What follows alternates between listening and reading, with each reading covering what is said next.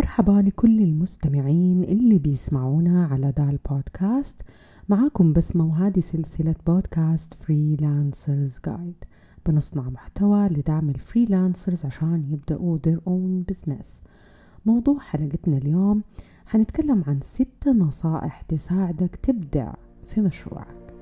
إذا كنت خريجة أو ما زلت تدرسي وأتعاملت مع عملاء بسيطين سواء كانوا أفراد أو شركات نفرض مثلا قدمتي لهم خدمات تصاميم graphics أو تصاميم ديكور أو حتى fashion أو مثلا كان مجالك مونتاج videos أو ترجمة أو كتابة محتوى هذا البودكاست حيساعدك تحولي شغلك ل business تملكي.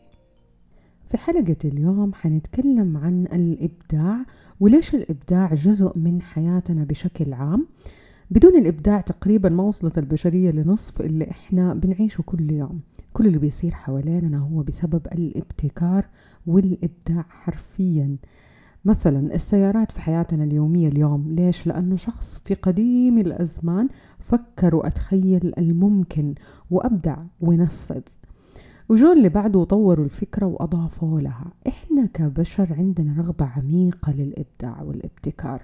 وكمان الاستمتاع بهذه الابتكارات اللي نبتكرها كل يوم. مثلا ابتكار أشكال مباني هندسية مثلا ابتكار طرق سريعة في المواصلات ابتكار مثلا آلات تسافر فينا للفضاء. الابتكار والإبداع فطري ولهذا السبب تتقدم البشرية وتتطور بشكل هائل. عموما كلنا نعرف ونقدر الإبداع والابتكار ولكن مو هذا موضوعنا اليوم.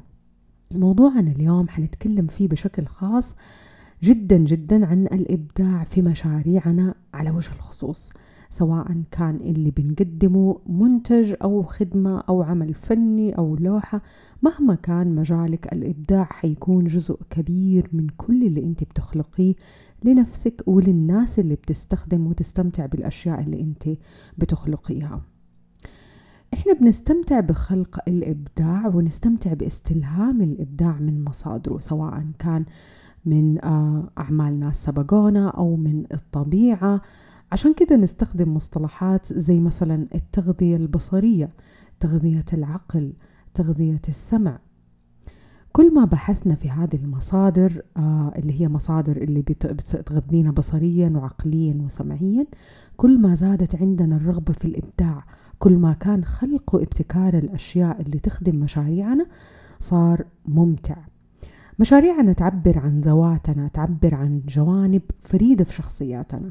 نتواصل فيها مع عملائنا ويشعروا فيها من خلال المحتوى.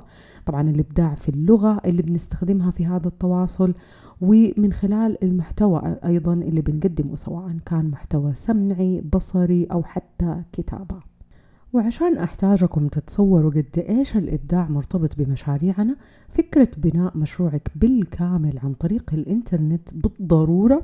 يسمح لك تستخدمي أدوات السوشيال ميديا والتطبيقات الخدمية مثلا اللي تخدم عملائك باحترافية وتخلق أنظمة وعمليات في مشروعك قليل جدا نشوفها في المشاريع التقليدية. مشروعك تقني بالكامل. إذا مجال الإبداع فيه تقريبا لا محدود سواء في التسويق في التواصل مع العملاء في العمليات في بناء العلاقات مع الجهات المختلفة. في النهاية إحنا نحتاج مشاريع مستمرة وتنمو مع الزمن هذا اللي إحنا بنهدف له من بناء مشاريعنا.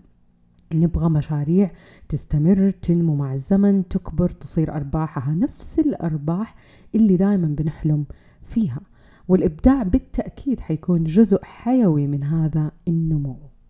طيب الآن أدركنا ليش إحنا فعلا نحتاج للإبداع كمهارة مهمة أثناء بناء مشاريعنا. حنتكلم بعد كذا عن كيف نشحذ هذه المهارة كيف نغذيها وتتحول عملية صناعة الأفكار في مشاريعنا بدل ما تكون متعبة ومجهدة إلى سهلة وميسرة. السؤال اللي حنجاوبه كيف أشحذ مهارة الإبداع عندي وأستخدمها يوميا في صناعة المحتوى في مشروعي؟ ستة نصائح حتساعدك تبتكر أفكار جديدة كل يوم. أول حاجة جدول وقت محدد للإبداع. إيش يعني جدول وقت محدد للإبداع؟ بمعنى حط في جدولك اليومي وقت محدد إنك أنت تبدع فيه. أول نقطة مهمة لابد ندركها إنه الإبداع ما يجي تحت الضغط النفسي والعمل في آخر لحظة. الإبداع يحتاج إلى مساحة واسعة للعقل عشان يكون روابط جديدة. أتكلمنا عن الروابط العصبية والأنماط في حلقة ليش نقاوم الأفكار الجديدة. روحوا أسمعوها لأنها كمان حتساعدكم تفهموا كيف المخ بيكون روابط عصبية. باختصار الروابط العصبية هي قدرة المخ على خلق روابط منطقية أو إبداعية ما بين الأفكار والتجارب اللي إحنا مرينا فيها في حياتنا.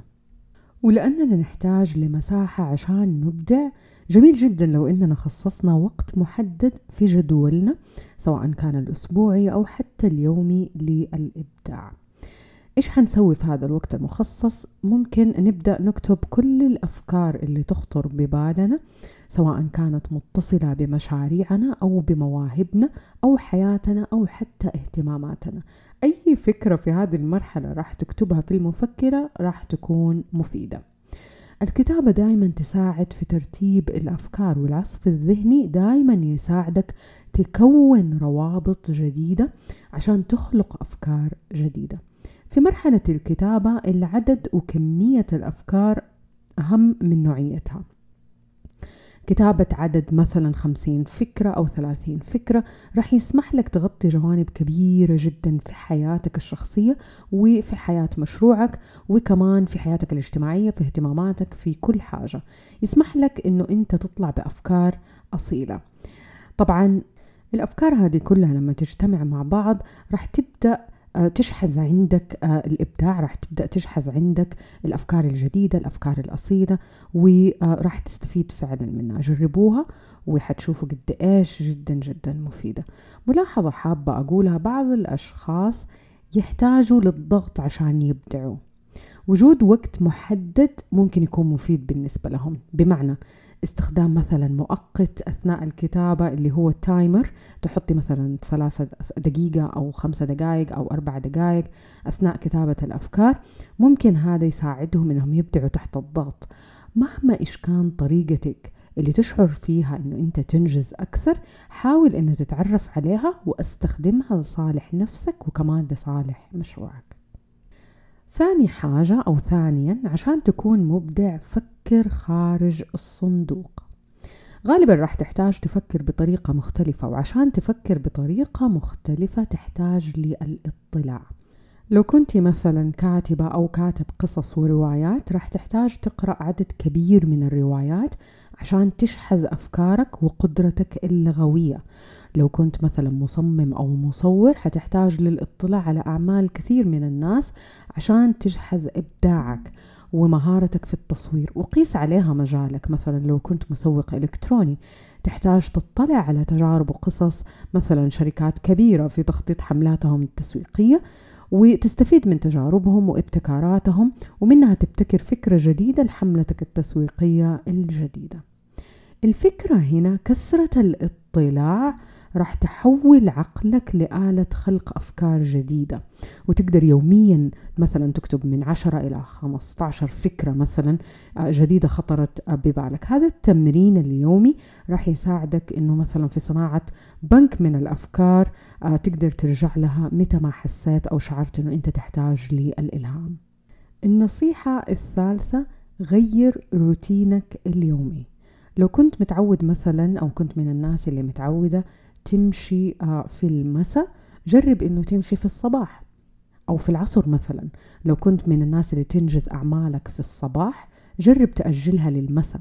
لو كنت تجدول اتصالاتك يوميا للعصر جرب تجدولها في وقت آخر مثلا. لو كنت من الناس اللي تمشي يوميا جرب تسوي يوغا بدل المشي. أو بيلاتس أو سباحة أي رياضة آه، تغير mood ك وتغير روتينك راح تنعش يومك وتنعش عقلك وبالتالي تشحذ الإبداع عندك. الأنشطة اليومية اللي إحنا بنمارسها حتى لو كانت هوايات مجرد التغيير البسيط فيها راح يفرق بشكل كبير على نفسيتك. وزي ما قلت راح تساعدك تنعش يومك تنعش عقلك وبالتالي حتشحذ الإبداع آه، عندك. رابع نصيحة أو نقطة حابين نتكلم عنها جرب تلعب ألعاب إبداعية. بعض الألعاب الموجودة في الإنترنت هدفها فقط شحذ الإبداع. مثال فكر في عشر استخدامات للمرسمة غير الكتابة أو عشر استخدامات لعلاقة الملابس غير تعليق الملابس. وبعدها فكر في عشر أفكار لحملتك التسويقية عشر أفكار للمحتوى. عشر أفكار من أي شيء تحتاج أنه تبدع فيه في مشروعك. بس مجرد أنه أنت تبدأ بلعبة آه، تشحذ عندك الإبداع بعد كده على طول تبدأ تطبقها في مشروعك. كثير ألعاب ذهنية وإبداعية على الإنترنت ممكن تساعدك أو تساعدك في تطوير إبداعك وتطوير أفكارك الإبداعية. هذه الأفكار ممكن تطبقها على خدمتك على منتجك بشكل مباشر وتصنع منها مثلا محتوى محتوى إعلاني مبدع مؤثر. فقط من خلال هذا التمرين البسيط. خامس نصيحة اقرأ ثم اقرأ ثم اقرأ. لو كنت فعلا تبغى تكون صاحب مشروع مبدع وملهم ومؤثر وقادر على صناعة الفرص وصناعة الأرباح لابد تكون إنسان مطلع وقارئ ومستعد للتعلم. اقرأ في موضوع تخصصك وكمان في كتب بعيدة جدا عن تخصصك. وراح تلاحظ إنه الكتب البعيدة عن التخصص تعطيك وجهة نظر وتفتح لك آفاق أنت ما كنت ملاحظها قبل كده. سادس نقطة والأخيرة احضر أنشطة بعيدة عن التخصص. بعض الأنشطة سواء كانت جلسات حوار فكري جلسات موسيقية أو حتى حضور ندوة أو مؤتمر سواء كانت مرتبطة أو غير مرتبطة بمجال عملك من أكثر الطرق فاعلية في شحذ الأفكار. أتعرف على ناس من تخصصات مختلفة أفتح معاهم نقاشات أسمع وجهة نظرهم وطبعا بعقل متفتح وبعقلية فضولية أكثر مما إنها بتحكم على الناس. هذه كانت بعض نصائحي لكم عشان تخلق لنفسك جو الإبداع في مشروعك وفي حياتك اليومية عموماً. سواء كنت صانع محتوى أو صاحب مشروع تجاري هذه الأفكار راح تساعدك إنه يصير الإبداع جزء من حياتك اليومية. قبل ما ننهي نراجع مع بعض النصائح الستة اللي قدمناها. أولا جدول وقت محدد للإبداع. ثانيا آه، فكر خارج الصندوق. ثالثا غير روتينك اليومي. رابعا جرب تلعب ألعاب إبداعية. خامسا اقرأ ثم اقرأ ثم اقرأ. وسادسا وأخيرا احضر أنشطة بعيدة عن تخصصك. أتمنى كانت حلقة اليوم مفيدة وقيمة لكم. شكرا لكل اللي بيسمعوني. أتمنى تكونوا استفدتوا. لا تنسوا تشتركوا في البودكاست على Apple Podcast وكمان على SoundCloud عشان ما تفوتكم ولا حلقة. تابعوني على انستغرام على at freelancers underscore guide. هناك حتلاقوا محتوى مميز وشيق وجميل وراح يلهمكم وحتنبسطوا فيه. إذا حابين تعرفوا عني أكثر زوروا موقعي على www.بسمنجاني.com أتمنى تكونوا بصحة وعافية. نلتقي في البودكاست الجاي بإذن